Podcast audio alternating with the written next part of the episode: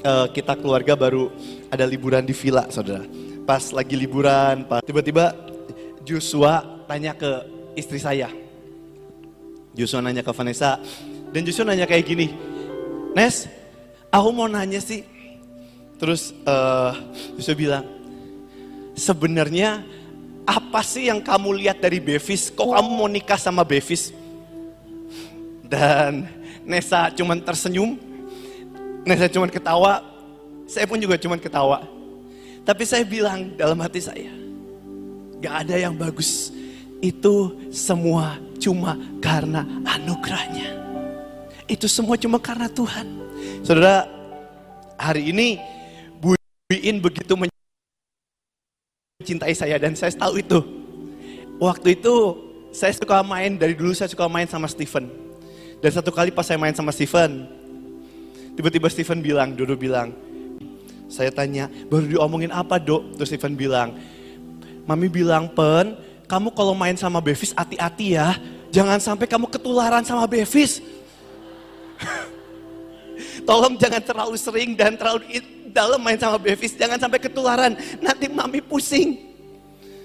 Saudara, kalau hari ini kebalik. Hari ini Mami yang bilang ke saya, Bev tolong kasih tahu Steven. Nah, hari ini kebalik saudara ya. Hari ini kebalik saudara. Tapi sampah seperti saya yang bahkan orang tua orang tua bilang jangan main sama Bevis. Waktu itu berapa waktu yang lalu saya tuh eh, di Bandung waktu itu saya tuh baru berantem saudara.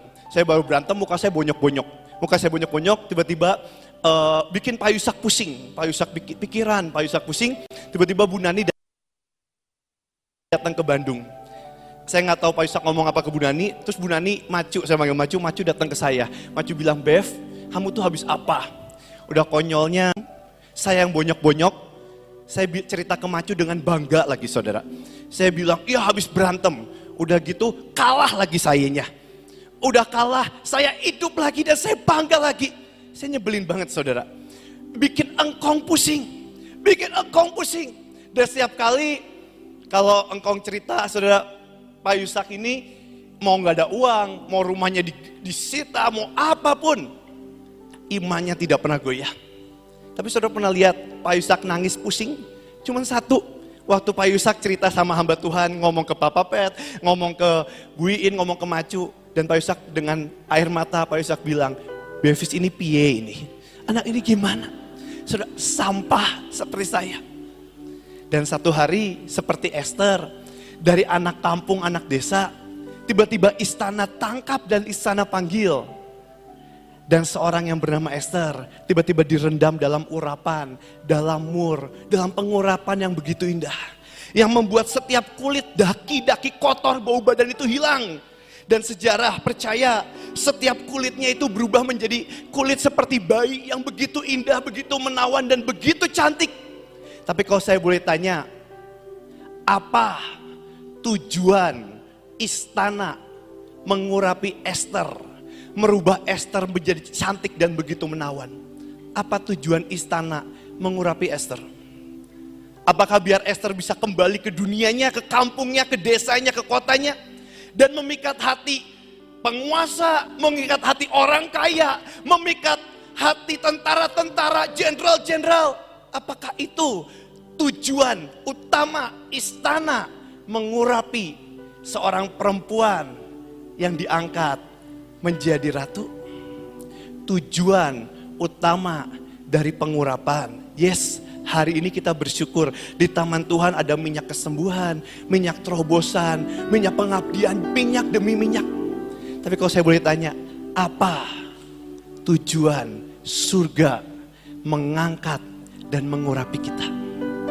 Tujuannya cuma satu, supaya Esther bisa menghadap raja, memikat hatinya, dan menyenangkan hati sang raja. Tapi kadang kita saudara, waktu Tuhan urapi kita, Tuhan ubah saya yang sampah, tiba-tiba Tuhan ambil, Tuhan urapi seorang Bevis yang bikin pusing, yang nyebelin. Tanpa sadar, saya bukan jadi Esther yang menghadap sama raja. Percayalah saudara, di tengah urapan, orang jelek jadi kelihatan ganteng. Di tengah urapan, semua jadi seakan begitu indah. Dan tanpa sadar, saudara saya sedang berdiri di tengah-tengah orang yang diurapi oleh Tuhan. Dan Tuhan mengurapi kita dengan all out. Tapi tanpa sadar, Esther-Esther yang diurapi Tuhan. Kita memilih kembali ke dunia dengan kulit yang begitu menawan, dengan begitu indah. Dan kita lupa dengan tujuan utama sang raja. Dan kita mulai melacur dengan dunia bahasa kasarnya. Dan tahukah itu menyakiti hati sang raja. Di tengah setiap urapan yang Tuhan begitu all out turun atas hidup kita. Yang itu semua cuma karena anugerahnya. Hari ini Batra, setiap orang-orang yang diurapi, bolehkah kita kembali dengan tujuan awal? Tuhan memberikan minyak urapan di taman, urapan atas seluruh hidup kita. Tujuannya cuma satu, untuk datang, menghadap sang raja, mengalami keintiman, dan menyenangkan isi hatinya. Saudara, ada satu ayat yang saya mau buka di Lukas 15 ayat 8 dikatakan seperti ini. Lukas 15 ayat 8 dikatakan, atau perempuan manakah yang mempunyai 10 dirham? Dipercaya hari itu dirham, satu dirham itu seharga seperti 10 dolar atau 100 ribu. Dan jika ia kehilangan satu di antaranya, tidak menyalakan pelita dan menyapu rumah serta mencarinya dengan cermat sampai ia menemukannya. Inilah Tuhan dan hebatnya Tuhan. Dan next ayat terakhir, ayat 9.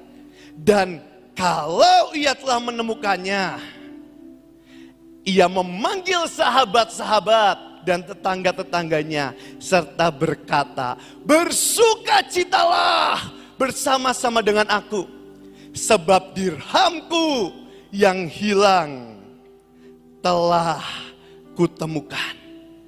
Aku berkata kepadamu, akan ada sukacita pada malaikat Allah karena satu orang berdosa atau satu dirham yang bertobat. Uh, boleh fotonya ditampilin, gambar ditampilin. Saudara, dalam tradisi Yahudi, saat ada orang Yahudi yang mereka bukan dari keluarga yang sangat mampu, mungkin middle low, ekonomi yang kurang mampu, ketika ada seorang laki-laki yang begitu mencintai pasangannya dan dia memilih untuk menunangkan dan menikahkan pasangannya ini, apa yang dia lakukan? Dia akan kumpulin dirham demi dirham. Sebenarnya dikatakan itu silver, silver ring, uh, gambarnya ada silver ring, silver piece of ring. Jadi dia akan kumpulin koin demi koin, dirham demi dirham, dan dia akan rangkai menjadi sepuluh atau yang hari ini kita suka sebut ketubah. Dan hari itu dia setelah dia rangkai menjadi sepuluh, seperti cincin pertunangan, cincin kawin, dia akan angkat dan dia akan kasih kepada calon mempelai dan pasangannya. Dia akan taruh di kepalanya atau dia akan taruh dalam lehernya dan menjadi kalung. Dan apa yang terjadi hari itu satunya hilang. Saudara, waktu itu Pak Petrus Agung pernah ngadain perjanjian koin seribu Mungkin saudara ada yang masih ingat. Perjanjian koin seribu. Hari itu di Windu kita juga melakukan yang sama. Kita sepakat dan kita bilang kita mau melakukannya. Dan apa yang terjadi? Tante Lani, saya kita semuanya kita kumpulin koin-koin seribu. Koin-koin dari yang kotor, koin-koin yang debuan, yang kotor, yang jorok, yang sebagainya. Kita ambil dan apa yang kita lakukan? Kita cuci koin itu. Kita cuci, kita lapin, kita kasih minyak buat lebih mengkilap lagi, bahkan kita cat dan tanpa sadar kita seperti koin ini, kita seperti dirham ini. Kita dari dirham yang begitu kotor dari dunia, begitu bekas tangan orang lain, tangan orang lain dibuang di jalan gak berharga dan sebagainya. Dan satu hari tiba-tiba Tuhan ambil dirham ini. Dan Tuhan lap, Tuhan minyakin begitu rupa. Menjadi dirham itu begitu mengkilap dan begitu menarik di mata dunia. Tapi ingat, Tuhan cuma punya satu tujuan dari pengurapan, dari pembasuhan, membersihkan setiap kita. Apa tujuannya? Untuk mengalami keintiman dan menyenangkan hati sang raja. Ketika itu sudah mengkilap, dikumpulkan jadi satu kesatuan sepuluh dirham. Dan ketika itu jadi satu, itu menjadi lamaran yang begitu indah keintiman yang kita angkat di hadapan Tuhan. Tapi dalam ceritanya apa yang Tuhan Yesus sampaikan, dirham yang udah mengkilap ini, dirham yang udah begitu indah, dirham yang sudah begitu menyala dan begitu menggoda, menawan. Dirham ini memilih untuk melepaskan dari sepuluh dan dia memilih pisah dan dirham ini milih kembali ke dunia. Pak Yusak pernah mimpi di Bahtera yang ke, keberapa saya lupa. Pak Yusak koin tapi bolong dan seperti itu disambung jadi satu. Dan di mimpi itu Tuhan bilang ini adalah Bahtera satu kesatuan yang menjadi satu. Tanpa sadar kita seperti ini saudara yang Alkitab katakan. Kita ini koin dirham yang sebenarnya tidak berharga. Ya mungkin ada harganya dan sebagainya tapi tidak pernah layak untuk menjadi mas kawin atau keintiman tanda pernikahan. Tapi kapan itu menjadi layak? Ketika itu dirangkai dan disatukan menjadi satu unity. Menjadi satu unity yang begitu indah. Yang hari ini kita sebut keluarga Batra. Tapi di tengah pengurapan, di tengah koin yang begitu menawan, tanpa sadar kita berkata, aku gak mau lagi ah jadi satu. Ah aku gak mau lagi ah, aku lebih memilih keluar. Toh aku udah menawan kok, toh aku udah berharga, toh aku udah diurapi. Kenapa aku harus jadi satu? Toh aku juga berharga kok kalau sendirian. Toh kalau aku jadi satu aku akan kesikut sana sini dan menyakitkan hatiku kok. Kenapa aku harus jadi satu? Ah, masukanku gak dimasuk, gak didengerin kok. Dan tanpa sadar dirham ini kita memilih untuk memisahkan diri. Tapi apa yang Tuhan Yesus ajarkan? Dia bukan marah, dia bukan mengutuki, dan dia bukan maki-maki. Tapi perempuan ini menyapu dan mencari dirham yang hilang ini. Dan dia jadikan satu kesatuan lagi yang begitu indah. Dan apa yang terjadi? Jadi ketika dirham ini memilih untuk menjadi satu kesatuan lagi. Terjadi pesta dalam kerajaan surga. Kenapa? Karena surga begitu bersuka cita saat ada kesatuan ilahi terjadi di tengah-tengah kita. Hani saudara, siapa pun kau, tanpa sadar semakin tinggi pelayanan yang Tuhan bawa, gesekan semakin ada. Semakin tinggi yang Tuhan bawa, goncangan makin besar. Dan tanpa maksud untuk menyakiti, hati kita tersakiti. Atau mungkin saya pun tanpa sadar saya menyakiti. Tapi bolehkah malam ini terjadi kesatuan all out yang begitu indah di tengah-tengah keluarga Batra sekali lagi?